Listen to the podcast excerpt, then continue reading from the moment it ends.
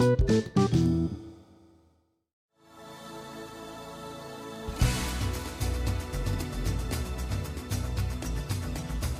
aja Pak contoh attitude positif yang harus dimiliki oleh seorang merchandiser dan kenapa attitude positif ini harus dimiliki?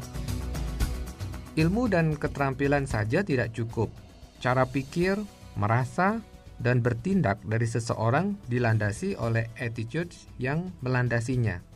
Beberapa attitude yang harus dimiliki oleh merchandiser yang hebat antara lain berpikir positif, melihat segala sesuatu dari sisi baiknya dan mencari solusi dari permasalahan yang mungkin terjadi. Berikutnya adalah berpikir terbuka. Perwujudannya adalah kemauan untuk menerima masukan dari berbagai pihak sehingga keputusan yang diambil lebih baik.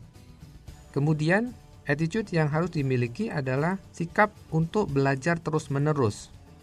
Ilmu berkembang, teknologi juga demikian Merchandiser harus terus-menerus meningkatkan pengetahuannya agar tidak tertinggal.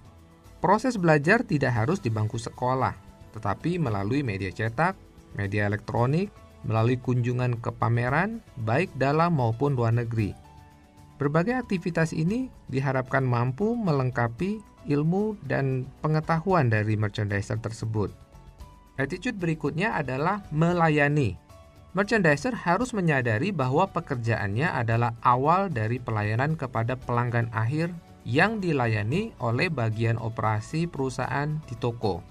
Jika merchandiser tidak mampu menyediakan barang atau merchandise dalam jumlah yang cukup, dalam pilihan yang beragam, sehingga mampu menjawab kebutuhan pelanggan, maka terganggu pula lah pelayanan di toko.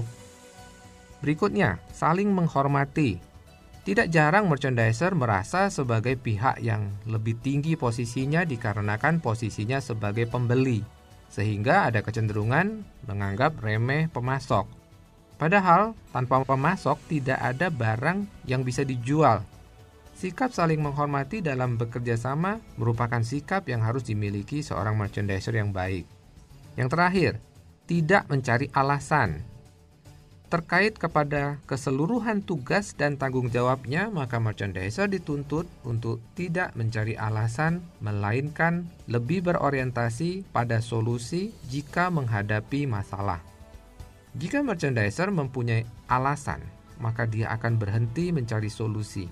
Karena itu, sikap tidak mencari alasan harus dikembangkan jika ingin menjadi merchandiser yang hebat.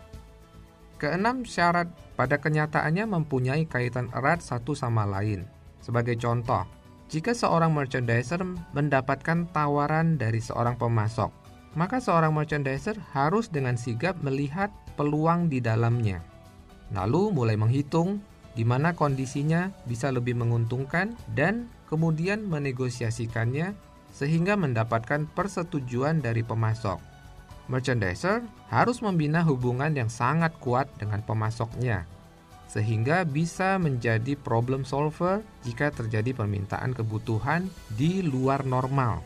Dalam kondisi di luar normal, biasanya pemasok pun tidak mampu mensuplai toko dengan lancar, sehingga biasanya terjadi kekosongan barang untuk beberapa saat. Namun jika merchandiser mempunyai hubungan yang sangat kuat, maka tidak mustahil dalam kondisi yang sulit pun toko akan mendapatkan barang. Jika hal ini terjadi, maka sudah pasti jaminan ketersediaan barang di toko dan itu berarti jaminan terjadinya sales atau penjualan.